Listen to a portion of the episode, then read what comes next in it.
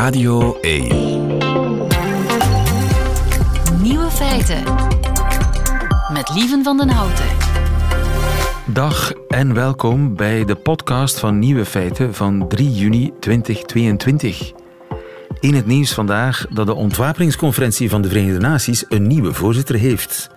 Dat is een, permanent onderhandelingsforum van de Verenigde Naties voor het ontwapenen van de internationale gemeenschap. Een van de hoofdpunten is wegwerking van alle nucleaire wapens in de wereld. En welk land die conferentie mag voorzitten, dat wordt bepaald door een roulatiesysteem.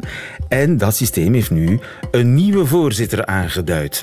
Het land dat de komende drie weken zijn best zal doen om alle atoombommen de wereld uit te halen, is geworden Noord-Korea. Gisteren was de eerste vergadering die Noord-Korea mocht voorzitten en verschillende westerse landen reageerden daar verbolgen op.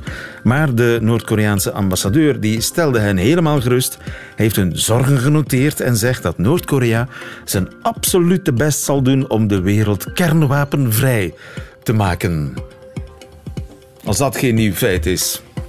De andere nieuwe feiten vandaag. Kauwen, die kraaiachtige vogeltjes, die doen aan democratie. De Queen die krijgt van het Britse parlement twee lantaarnpalen cadeau voor haar 70-jarig jubileum. Sander van Horen reist al twee weken door Oekraïne en de nieuwe feiten van Dena Vadani die hoort u in haar middagjournaal. Veel plezier. Ze zit 70 jaar op de troon en daarom krijgt de Queen van het Britse parlement een cadeau. Twee lantaarnpalen. Ja. Flip Feiten. Niet zomaar lantaarnpalen. Niet zo. Je, eerst, je bent Queen Watcher. Yes, I am. Eerst aanwezend op, Yes. de, op de VRT. Dank u wel. Het zijn niet zomaar lantaarnpalen. Nee, het zijn er heel chique, eh, met heraldische dieren erin verwerkt. En het, het lampje bovenaan, in, eh, wordt, daar staat een kroontje boven. Eh, ze kosten, hou u vast, eh, samen 175.000 pond. En het is een gift van het parlement. En de parlementariërs hebben deze gift eh, als volgt gegeven. Die twee lantaarnpalen staan voor het parlement. Is dat geen mooi cadeau? Was ze er blij mee? Eh, dat is niet geregistreerd. Maar dus die lantaarnpalen staan al. ja, dus het zijn nog half ingepakt. Eh, enfin, de laatste foto die ze staan gezien voor het parlement? Ja, ja, ze staan voor het parlement. Dus ze krijgt ze niet eigenlijk. Ja, ze zijn voor haar. Het- is een soort aandenken aan haar 70-jarig eh, jubileum. Niet iedereen mag zomaar een lantaarnpaal vlak voor het parlement zetten. Staat er dan een bordje bij van de Queen? Vermoedelijk wel, hè? Nee, Ja. Zover ging de foto niet. Ik heb de bovenkant gezien. Dus het is niet zo dat ze nu beter kan zien in het paleis Nee, dankzij, nee, nee, dankzij nee, die lantaarnpalen. ik dacht eerst- gewoon voor het parlement. Ik dacht eerst dat het eh, ornamenten waren, lampen, eh, die ze bij wijze van spreken in het salon kan zetten. Nee, nee. voor. Maar daar is dus over vergaderd in plenaire Eh, zitting. waarschijnlijk. Ja, Als ze 175.000 pond kosten, dan moet er iemand beslissen of dat geld uitgegeven wordt. Ik weet niet hoe dat gaat, maar daar zal diep over nagedacht Ja, zijn. 70 jaar op de troon. Hoe gaat het met haar? Want ze is er niet bij vandaag. Nee, nee. ehm, weet je, gisteren vond ik dat ze er go- goed uitzag. In die zin, ze genoot duidelijk. Ik denk echt niet dat dat gespeeld was, maar dat vindt ze heel leuk. Van die militaire parades en vliegtuigen die overvliegen. Echt waar? Ja, vindt ze leuk. Vindt ze heel leuk. En ze kent dat ook allemaal. Ze, ongelooflijk. Hè? Ze kan vliegtuigen spotten en weten dat is dit type. En, eh, maar ehm, ik vond dat ze wel een beetje mager uitzag. Ik weet niet of jou dat opgevallen is. Ja, 96. Ja. 96. En s s'avonds heeft ze nog de beacon eh, aangestoken hè, de, eh, in Windsor Castle. En toen liep ze weg. Ik heb goed zitten kijken. Ja, er is misschien toch wel iets met die rug hoor. Het Ja, liep een beetje maar- moeilijk. Dus Maar- dat mobiliteitsprobleem, dat is het probleem. Het Dat- is niet zo ja. dat, dat ze echt gezondheid, in die zin ja, levensbedreigende gezondheidsproblemen zou hebben. weten wij veel. Hè. Ik zie ook dat ze echt vermagerd is. Misschien, ik weet het niet. Dit is pure speculatie wat ik nu zeg. Misschien verzwijgen de hovelingen iets dat hè, langlopend is, waar je niet meteen eh, aan, aan eh, doodgaat, maar dat misschien onder de leden. Ik weet het niet. Maar ik denk het niet. Want we hebben haar de voorbije 14 dagen drie keer. eh, eh, ze, heeft een metrolijn geopend. Ze, heeft, ze is naar een, een paardenshow geweest. Toen zag je, ze werd rondgereden in een, in een golfkarretje. Maar je zag daar toch niet zoveel aan. Dus Ik vind het toch raar dat ze niet naar de dienst gaat vandaag. wel, ik, ik- Dus nou eens in een rolkarretje. dat beeld wil ze volgens mij absoluut vermijden. Dat is een beetje haar eer te na. Ah. En ik denk ook doordat zij er niet is, wie komt er nu helemaal eh, vooraan te staan? Charlie. Charlie. En ik denk, je- weet op voorhand dat hij nooit haar populariteit zal hebben, althans niet in het begin. En ik denk dat ze hem eigenlijk een beetje een, een, een rode Plaats loper in het geeft. zonnetje. Plaats in het zonnetje, om die overgang ook niet te brusk te maken. Stel dat ze over een maand doodvalt, of, of over een jaar, en ineens, boem, staat daar Charles. Je moet het publiek zo'n beetje doen wennen aan, aan dat nieuwe beeld. En het is eigenlijk een soort van geschenk van, vooruit jongen, jij mag nu op de eerste rij. En al die, al die eh, ceremonies, ik heb ze wel gehad Ja, ja, ja, ja. Ik zal het wel bekijken op televisie, doe jij maar. En zij telt intussen haar cadeaus. Ja. Want ze heeft niet alleen die twee... Overigens, hoe Brits wil je het hebben? Het lantaarnpaal cadeau doen aan de koning. ja, ik, zou het niet hè. kunnen bedenken, maar ze heeft in haar leven wel vreemdere eh, cadeaus gekregen. Heeft ze iets gekregen van Macron? Vraag ik me af. Ah, dat weet ik nog niet. Eh, die, die hebben wel... eh, Frankrijk heeft een van de beacons ik dacht ontstoken. een paard. Ah, heeft ze, ja, ah, dat wist ik niet. Ja, ja, ja, ja een Maar paard dat- van de Republikeinse garde. Oh, dat is altijd een goed cadeau. Voor, Een eh, paard. Een paard, ja, ja. ja, ja. Daar heeft ze plaats voor. Ja, Room for a pony en meer. Je weet dat ze zelf paarden kweekt. Hè? Ze heeft ooit, haar dochter heeft ooit een, een paardenwedstrijd gewonnen. En toen werd er gezegd van, de, de, de winner... The horse and the winner have been bred by the queen. Ja. ja, precies. Dus dat is altijd een goed cadeau. Maar ze heeft ook rare dingen gekregen. Hoor. Zoals? Bijvoorbeeld 500 blikjes ananas. Dat klinkt een beetje raar, maar dat was vlak na de oorlog. Toen was eh, Engeland nog op, stond alles op de bon. En dat was een gift van Australië. Dus in blik, dat was logisch, want dat moest heel lang varen om daar te geraken. Dus een mooi cadeau, 500 blikjes ananas. Heeft ook Daar heeft paardensperma. ja, jaren van gegeten. Paardensperma. Paardensperma, ja. Van Ierland. Dat was van een, een hengst. In een gouden doosje. Met een kroontje erop. Ja, Big Bad Bob heette die hengst. Dus hè, eh, ja, om om paarden te kweken, hè. dat is ook een goed idee. Een, een doos modder heeft ze ook eens gekregen. Daar was ze blij mee. Maar dat was dan wel grond van de slagvelden van de Eerste Wereldoorlog. Hondenzeep heeft ze ook gekregen. Voor haar corgis. Ja, je kan wel een beetje bedenken of dat nu een goed cadeau is. Want Beetje ge- geeft dat een beetje een signaal van... Mevrouw, als u nog eens komt met uw honden, zou ze eh, beter... Een pond zout heeft ze ook. Allemaal nuttige cadeaus eigenlijk. Wel, dat kwam van het Zouteiland. Dat is een van de Maagdeneilanden. En tevoren was dat, historisch was dat een betaalmiddel. Dus je kan dat pond zout nog gaan bekijken in de Royal Collection, want dat wordt tentoongesteld. Oh ja, beesten. Een olifant heeft ze gekregen, een krokodil, ehm, mini-hippo's. Eh, die beesten gaan allemaal naar de London Zoo. Ehm, en een totempaal. De, de Queen Mother heeft dus een totempaal van 30 meter lang gekregen uit British Columbia. Eh, ik weet niet of hij verpakt was en ik weet niet hoe ze hem thuis gekregen heeft, maar dat is een cadeau. Hè? Wat doen ze met cadeaus waar ze absoluut niet blij mee zijn? Ah, je, je moet maar eens kijken. Achteraan in de tuin. Zo, Dimitri. Eh, je, je, je, je moet maar eens kijken op de website. Er staat een gids van zeven bladzijden met eh, instructies over wat er met cadeaus moet gebeuren. Je, je houdt het niet voor mogelijk. Eh, Procedure om Procedure. cadeaus te geven. eh, te, te, te geven, te krijgen, eh, of het van, van officiële instanties is, of het persoonlijke cadeaus zijn. Het, het is heel ingewikkeld, maar er mag niets verkeerd gaan. De gever mag nooit beledigd zijn, maar bijvoorbeeld van bedrijven mag ze niks aannemen. Niemand van de koninklijke familie. Ehm, en, en zelfs niet als het bijvoorbeeld bij een huwelijk of, of bij, eh, zeg, ze krijgen een auto of zo. Dat mag wel. Maar dan mag zo'n bedrijf dan niet daar reclame mee gaan maken. Snap je? Ze mogen het niet voor commerciële Maar doeleinden strikte regels. Strikte regels. Mag ze die cadeaus ook echt houden? Als ze nu zegt, ik wil het in mijn slaapkamer of in mijn... Mag ze dat? Het is van mij. of is, is dat van nee. de overheid op de een of andere manier? Eh, Als het persoonlijke giften zijn, wel. En als het onder de 150 pond is en het is, eh, eh, zijn bederfelijke goederen, bijvoorbeeld eten, hè, de ananas, eh, dat mag je opeten. Eh, maar, eh, en, en onder de 150 pond mogen ze het ook doorgeven eh, aan, aan goede doelen, aan personeel zelfs. Maar het moet allemaal opgeschreven worden. Er moet een etiketje op, een formulier ingevuld worden, wat het is, wie het gegeven heeft, wat het inhoudt en waar het naartoe gegaan is. Ehm, het, het mag geleend worden. Dus ze mogen het thuis op de commode zetten als het een standbeeldje is of, een lamp. Uh, maar dat is niet van hen. Het is, ah. niet, het is geen persoonlijk eigendom. Het is geleend. Dat is nog het mooiste van al. Ze krijgt cadeaus die niet van haar zijn. Ja, als het, als het dus openbare cadeaus zijn. Hè, die, gegeven tijdens een staatsbezoek of tijdens... Ja, ja. als ze in functie is. Maar ja, wanneer is ze niet in functie? precies. Uh, um, en en uh, er zijn ook instructies. er zijn vijf dingen die er kunnen gebeuren. ik moet het even nalezen hoor. ofwel wordt het bewaard in magazijnen, minstens vijf jaar. Ofwel gaat het naar de Royal Collection, dat is het soort van dynastiek museum, hè, waar die zak zout eh, je kan gaan bekijken. Ofwel wordt het geleend, maar dan aan fatsoenlijke en gepaste organisaties. Ofwel kan je het cadeau doen aan een geregistreerd goed doel, waar het anderen ten goede zou kunnen komen. Uh, en, uh, ofwel wordt het vernietigd. Maar dat kan pas na vijf jaar. En dat moet op zo'n manier gebeuren dat de gullegever niet voor het hoofd gestoten wordt. Ik neem een voorbeeld. Ze heeft haar eigen portret in bananenbladeren gekregen. Ja, als dat na na een tijdje begint te stinken. Het gaat het in de, in de shredder. Ja, maar het moet niet voor vijf jaar.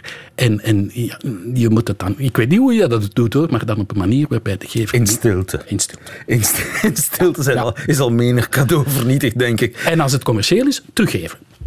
Zo hoort het. Voilà. Filip Feiten, dankjewel voor deze boeiende uiteenzetting over cadeaus die de Queen uh, ooit gekregen heeft. En ze heeft van haar parlement twee lantaarnpalen yes, indeed. gekregen. En dat...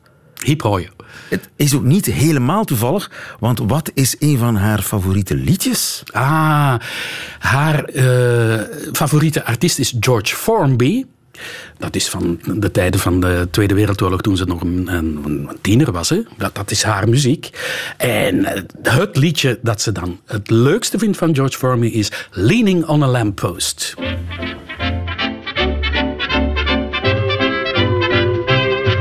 I'm leaning on a lamp. Maybe you think I look a tramp. Or you may think I'm hanging round to steal a car. But no, I'm not a crook. And if you think that's what I look, I'll tell you why I'm here and what my motives are. I'm leaning on a lamppost at the corner of the street in case a certain little lady comes by. Oh me, oh my, I hope the little lady comes by. I don't know if she'll get away, she doesn't always get away, but anyhow I know that she'll try. Oh me, oh my, I hope the little lady comes by. There's no other girl I would wait for, but this one I'd break any date for. I won't have to ask what she's late for. She wouldn't leave me flat, she's not a girl like that. Oh, she's absolutely wonderful and marvelous and beautiful, and anyone can understand why.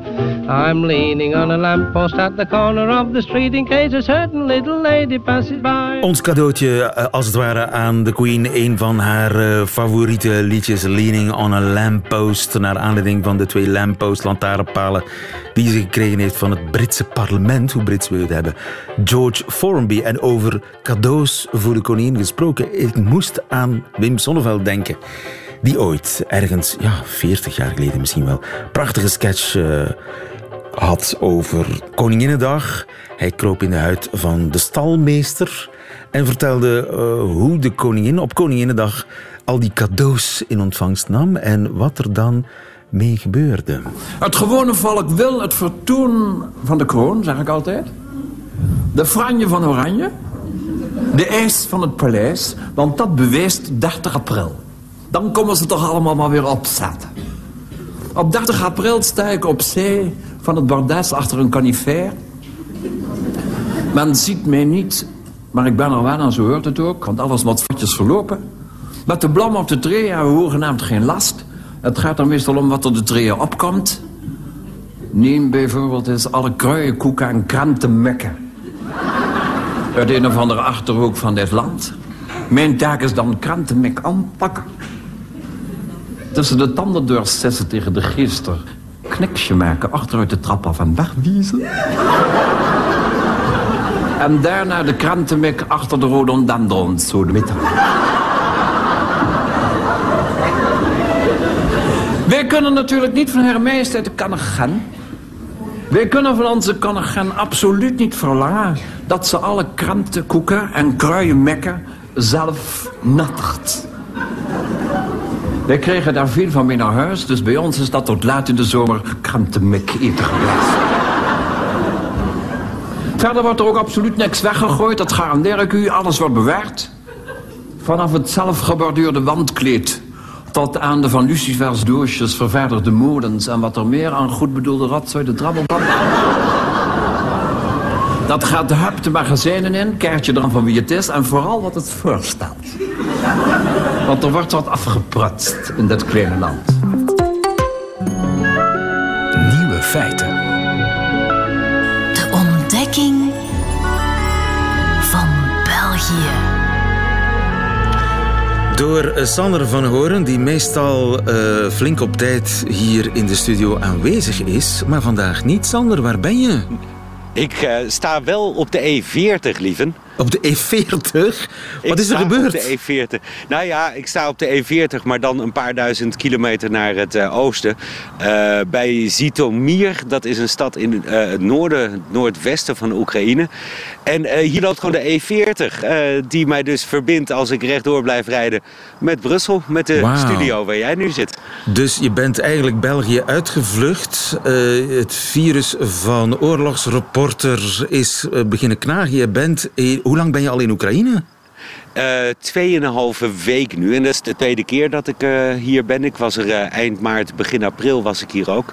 En nee, af en toe kom ik hier dan terug om verslagen te maken. En elke keer valt het me weer op dat die E40 eh, heel symbolisch eigenlijk de ader is die door heel Europa heen loopt. Eigenlijk nog veel verder naar de grens tussen Kazachstan en China. Maar ja, dan kom je door de Donbass, de eh, E40. En daar wordt dus nu zwaar gevochten.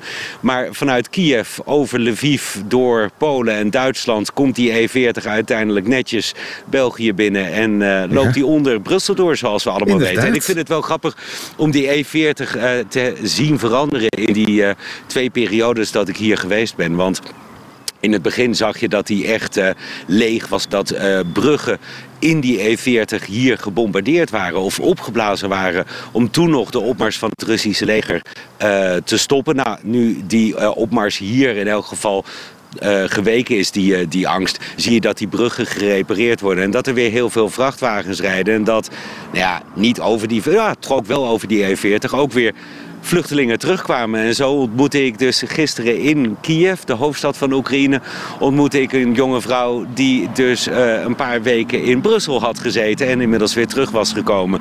Die eh, E40 is echt een verbindende ader in alle opzichten. Dus je kunt zeggen dat Oekraïne eh, flink aan het recht krabbelen is. Tenminste, het deel waar jij nu bent, het westelijke deel.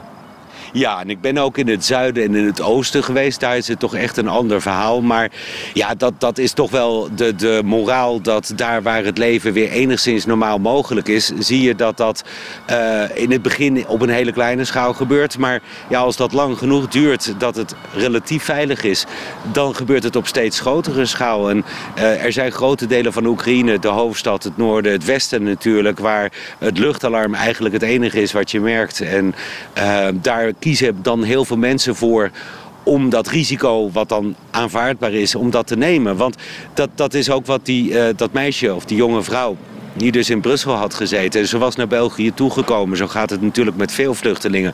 Omdat vrienden van haar wonen en werken al van voor de oorlog in Antwerpen.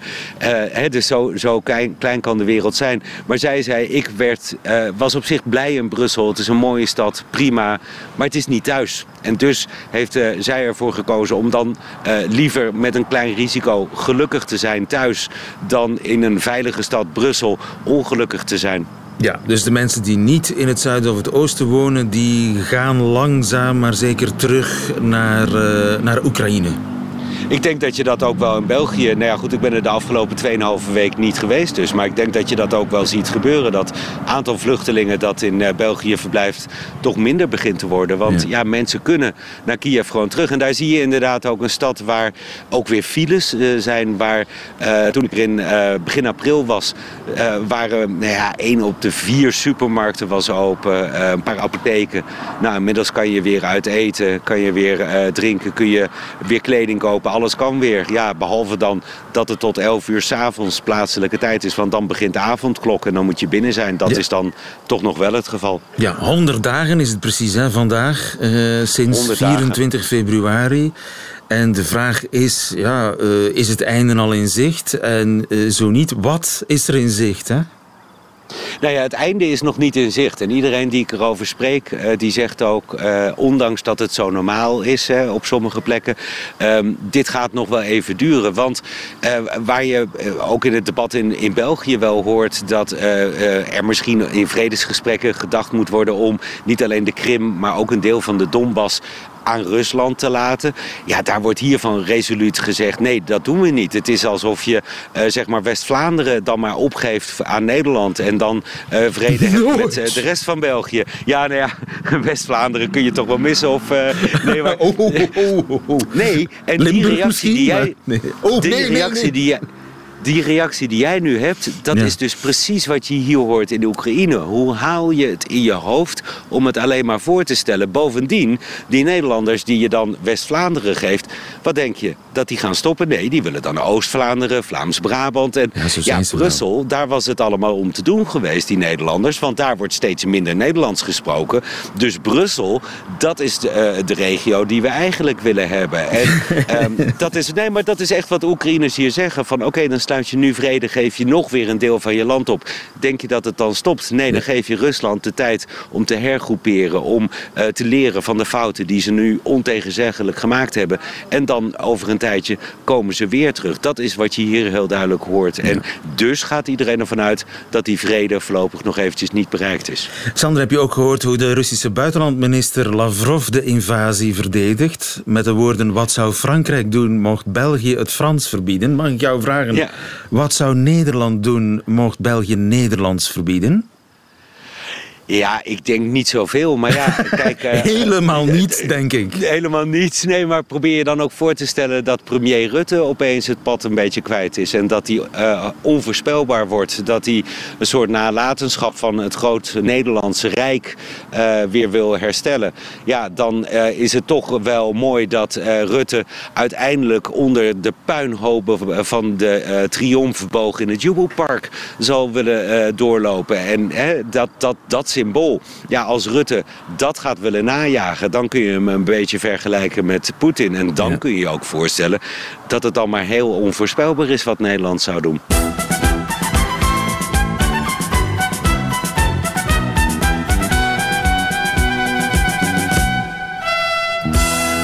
Examen Vlaams. Waar jij eh, in Oekraïne of niet in Oekraïne niet aan ontsnapt, Sander van Horen, het examen Vlaams. Wat betekent het zal wel zijn?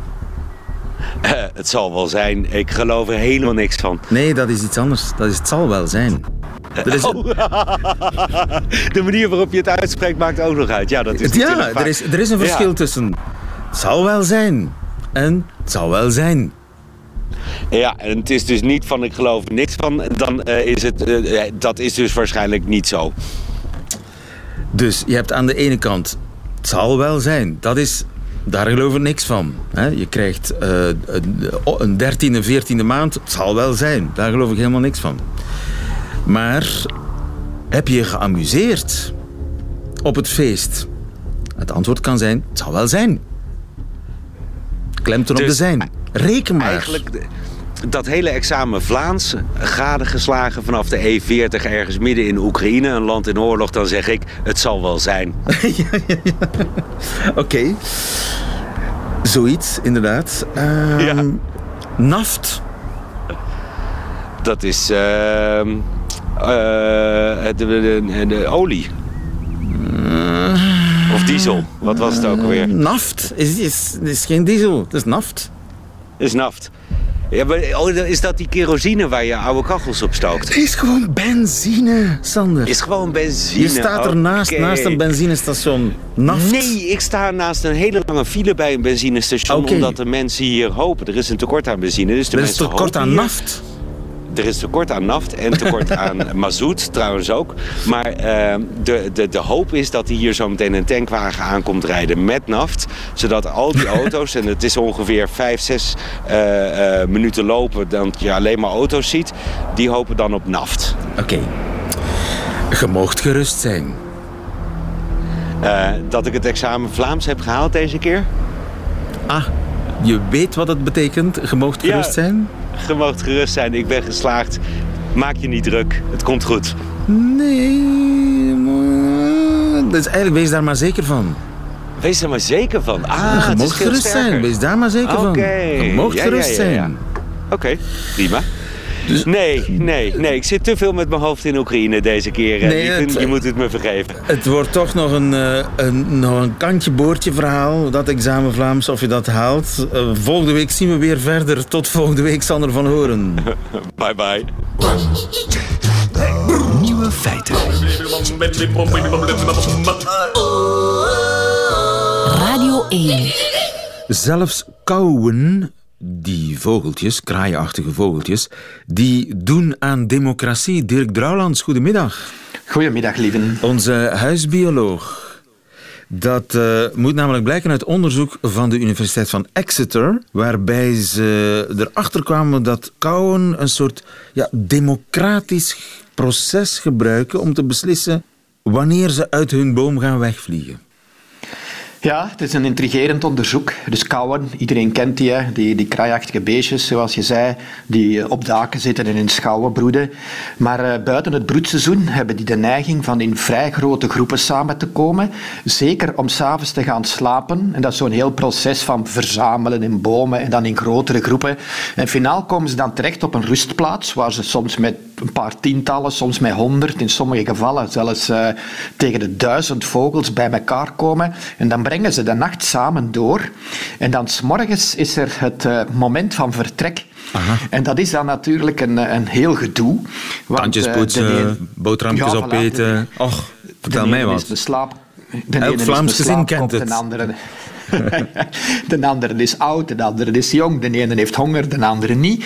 Dus, eh, maar ze hebben er belang bij van samen te vertrekken, of zo samen mogelijk te vertrekken, om te vermijden dat een sperwer in de buurt daar een paar van die vogeltjes uitpakt. Als ze ineens samen vertrekken, is dat heel overweldigend en zijn ze beschermd. Of misschien dat ze eh, geïnteresseerd zijn in een dikke kou die, die eh, duidelijk weet waar dat veel eten is te volgen om, om zelf aan eten te geraken. Dus ze hebben belang bij een gezamenlijk vertrek en blijkbaar bouwen ze dat op. Dus ze beginnen als ze wakker worden allemaal zo wat te babbelen, hè, tegen, tegen, of te murmelen in zichzelf of te babbelen tegen elkaar. Ja, Voilà. waar worden ze bezig? Dat is het geluid. En als dat, dat volume neemt dan geleidelijk toe, en als dat een bepaalde waarde bereikt, dan gebeuren. vliegen die ineens allemaal weg.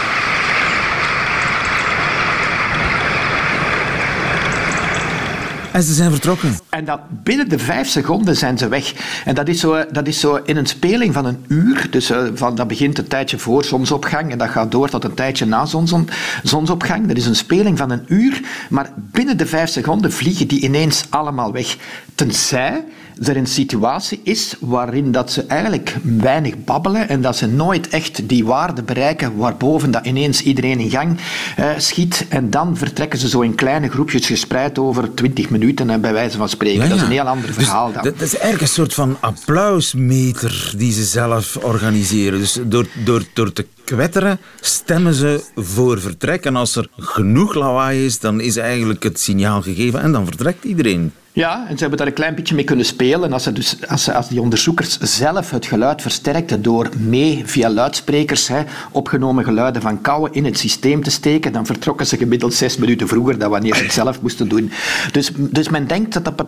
Ik heb het daar een klein beetje moeilijk mee, omdat... omdat enfin, ze noemen dat een soort, een soort consensusbeslissing gebaseerd op groep. Het is duidelijk dat ze er belang bij hebben van samen te vertrekken.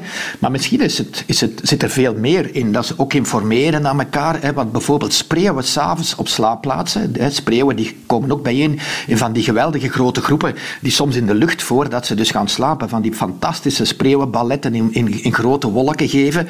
En, en die zitten op die slaapplaatsen ook constant te babbelen met elkaar. Dus, dus waarschijnlijk geven die elkaar veel informatie of, eh, of uh, dus uh, hebben die een veel intensere communicatie dan, dan, dan, in, dan wij geneigd zijn aan te denken. Ja. Maar in ieder geval is het zo dat er in veel dierensystemen duidelijk afspraken gemaakt worden van we moeten samen vertrekken, we moeten samen in de richting gaan. Met als achterliggende gedachte dat een groepsbeslissing waarschijnlijk minder impulsief gebeurt en minder leidt tot slechte beslissingen dan wanneer al die dieren afzonderlijk hun eigen gang zouden, zouden gaan. Ja, of dat, dat is natuurlijk ook een mogelijkheid dat er een soort van ja, koude burgemeester is die als eerste zegt we zijn weg. Wat een soort chef ja, is, is, maar dat is dat kennelijk is dus, niet. Dat is het niet. Want de meeste van die grote systemen, je hebt dat ook met groepen sardinen bijvoorbeeld, die maken dan wel geen, uh, geen geluiden, of toch niet voor zover dat we weten, maar die, die geweldige grote zwermen sardinen die zo heel rare bewegingen onder water kunnen maken om aan dolfijnen uh, of tonijnen te ontsnappen, daar zit geen leiderschap in het verhaal. Dat zijn al die individuele beestjes die een beslissing kunnen nemen als ze bijvoorbeeld een dolfijn zien komen, een uitwijkmanoeuvre doen, en die zijn zo geweldig goed gesynchroniseerd in hun bewegingen, dat die op de kortste keren allemaal dezelfde de beweging uh, maken. En het, is, het is geweldig plezant om dat te zien, want er zijn voorbeelden van in de natuur nog. In 1988 is het eerste dat ze beschreven hebben, en dat is iets dat ik zelf al eens een paar keren gezien heb in de natuur, en dat is geweldig fascinerend, met kleine zwanen. Dat is een wilde zwanensoort die alleen bij ons in de winter voorkomt, maar die komen uit, uit Siberië en het hoge noorden. En die vliegen dus in vrij kleine groepen, maar die zingen naar elkaar voordat die vertrekken. En op een gegeven moment uh, bereikt die zang zo'n soort crescendo. En dan vliegen die ineens allemaal samen op met zo'n hele lange aanloop en zijn die weg. Dat is zo prachtig om te zien. Ze hebben dat ook al bij zoogdieren vastgesteld, hè, bij, bij herten en bij buffels, die zo'n soort consensus hebben van uh, recht te staan, in een bepaalde richting te kijken. En als ze met meer dan 60, 65 procent recht staan en in diezelfde richting kijken, dan vertrekken ze allemaal ja. tegelijk. Het omgekeerde gebeurt ook. Hè. Ons geeuwgedrag, hè. geeuwen is, eh, is, is, is besmettelijk aan dat is iets dat oorspronkelijk stamt uit toen dat wij nog als kleine groepjes rondstruinden over de savanne, om mensen samen moe te maken, zodat ze niet allemaal één voor één moe worden, maar iedereen samen moe wordt. Dus iemand ook, en dan ook samen klaar zijn om weer terug te vertrekken. Dus daar zitten prachtige, prachtige voorbeelden in. En het grappige daaraan is, die, die groepsbeslissingen dat is iets dat ook bij ons is aangetoond. Er zijn zo'n hele reeks experimenten gebeurd, bijvoorbeeld met grote bokalen met heel veel knikkers in. En, dan mogen in, en die staat dan bijvoorbeeld in een lobby van een museum. En dan mogen mensen raden hoeveel knikkers dat erin zit, in die bokaal zitten. Maar ze mogen ook andere mensen recruteren om samen te beslissen. En met hoe meer dat je bent, hoe groter de kans dat je eigenlijk op het juiste getal uitkomt. Tot op een plafond van 150. Als je met meer dan 150 komt, haal je geen voordeel meer uit de extra mensen die je in je groep recruteert. En wat zien we dan bijvoorbeeld? Dat dus uh, veel ondernemingen bijvoorbeeld georganiseerd zijn in groepen van 150, of bijvoorbeeld ons federaal parlement heeft ongeveer 150 parlementsleden. Dus dat is zo het ideale niveau om, om maximaal te put halen uit de macht van de massa, maar ook niet extra ballast mee te sturen, waardoor dat de beslissing, uh, het beslissingsproces moeizamer wordt. Dus een Europees parlement waar veel meer volk zit, dat, dat is een probleem dat is dan minder, minder efficiënt. Minder conform de natuur. Ja, en, en waarschijnlijk gaat dat bij kouwen op een bepaalde manier ook zijn. Dus ik verwacht dat er op termijn eens iemand gaat kijken naar verschillende kouwengroepen van, van, eh, van, uh, in functie van hoeveel dat ze zijn, hoe lang duurt dat voordat ze tot een consensus komen. Want bijvoorbeeld bij stadsduiven hebben ze dat al wel aangetoond. Dat hoe groter de groep is, hoe langer het duurt tot op een soort consensusbeslissing te komen van we ja. moeten hier vertrekken, want uh, het wordt hier te druk. En er is dus een kantelpunt waarbij die democratie dan begint te wankelen en niet echt meer efficiënt is. Voilà, ja, ja. Maar in ieder geval, ik concludeer dat de democratie niet is uitgevonden in Athene door de oude Grieken. Er is weinig in de mensheid dat niet al eerder door de natuur is bedacht, lieven. Dank je wel, trouwens, voor deze tegelwijsheid. Tot de volgende. Nieuwe feiten. Dat waren ze, de nieuwe feiten van vandaag, 3 juni 2022. Alleen nog die van Dena Vadani nu in haar middagjournaal. Nieuwe feiten. Middagjournaal. Waarom schaam ik mij zo hard dat ik niet genoeg boeken lees? Boeken lezen is zo cool. En het geeft zo'n intellectueel kantje, weet je. Maar ik kan precies nooit een moment vinden waar ik rustig een boek lees. Ik ben verslaafd aan mijn gsm, aan mails beantwoorden of ze op de coolste manier te negeren en natuurlijk ook social media. Oké, misschien overdrijf ik. Ik lees wel soms en dan lees ik graag reisgidsen voor landen waar ik misschien nooit naartoe zal gaan. Maar door dat te lezen, dan, dan reis ik even, al is het in mijn gedachten. En een reisgids is leuk, want je kan het op een random pagina open doen en je bent nog steeds wel mee. Ik lees ook graag zo compilaties. De 100 vrouwelijke leiders die je niet kende. 50 vragen over Iran die je altijd al afvroeg. Kortverhalen van maximum anderhalve pagina. En graphic novels. Oh ja, graphic novels. Nu lees ik Sapiens van Yuval Noah Harari in stripformaat en het is zo leuk. Maar het boek zelf lezen, oeh, oh nee, nee, nee. De pagina's alleen al schrikken me af. Maar een strip, tekeningen, kleuren, storytelling, yes sir. En Harari heeft rechtstreeks of onrechtstreeks beantwoord op een vraag die ik al altijd had, namelijk waarom kijk ik, ik die mezelf, ondanks het weinig lezen van boeken, als intelligent beschouw, naar reality TV? Shame on me. Maar het antwoord is, het is menselijk. Dat zegt Harari. Wij als mensen onderscheiden ons van dieren omdat we roddelen, omdat we graag verhalen vertellen, ons verhalen inbeelden, omdat we geloven in dingen die niet bestaan. Kijken naar reality TV, pak bijvoorbeeld het Amber Heard en Johnny Depp proces. Ik heb daar uren en uren en uren naar gekeken. Wel, eigenlijk vooral geluisterd. Terwijl ik zoveel andere leuke dingen had kunnen doen. Zoals een echt boek lezen of ja, iets anders lezen gewoon. Dan gewoon luisteren naar een random proces. Maar nee, ik koos om te horen over gekke verhalen. Verhalen over verhalen van anderen. Maar nu denk ik, het is niet erg, het is oké. Dat was mijn oerinstinct die, net zoals mijn voorouders die rond een vuur luisterden naar de grote shamanen, die vertelden over de geesten van de grot, heb ik voor mijn tv geluisterd naar de vurige verhalen van de moderne shamanen van vandaag. En geef toe, zelfs jij bent nu entertained door mijn verhaal.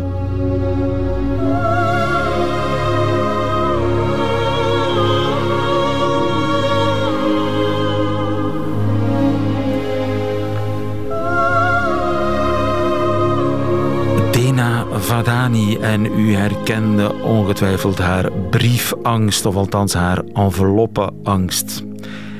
Einde van deze podcast. Hoort u liever de volledige nieuwe feiten? Dat kan natuurlijk live elke werkdag tussen 12 en 1 op Radio 1 of on demand via de Radio 1 app of website. Tot een volgende keer.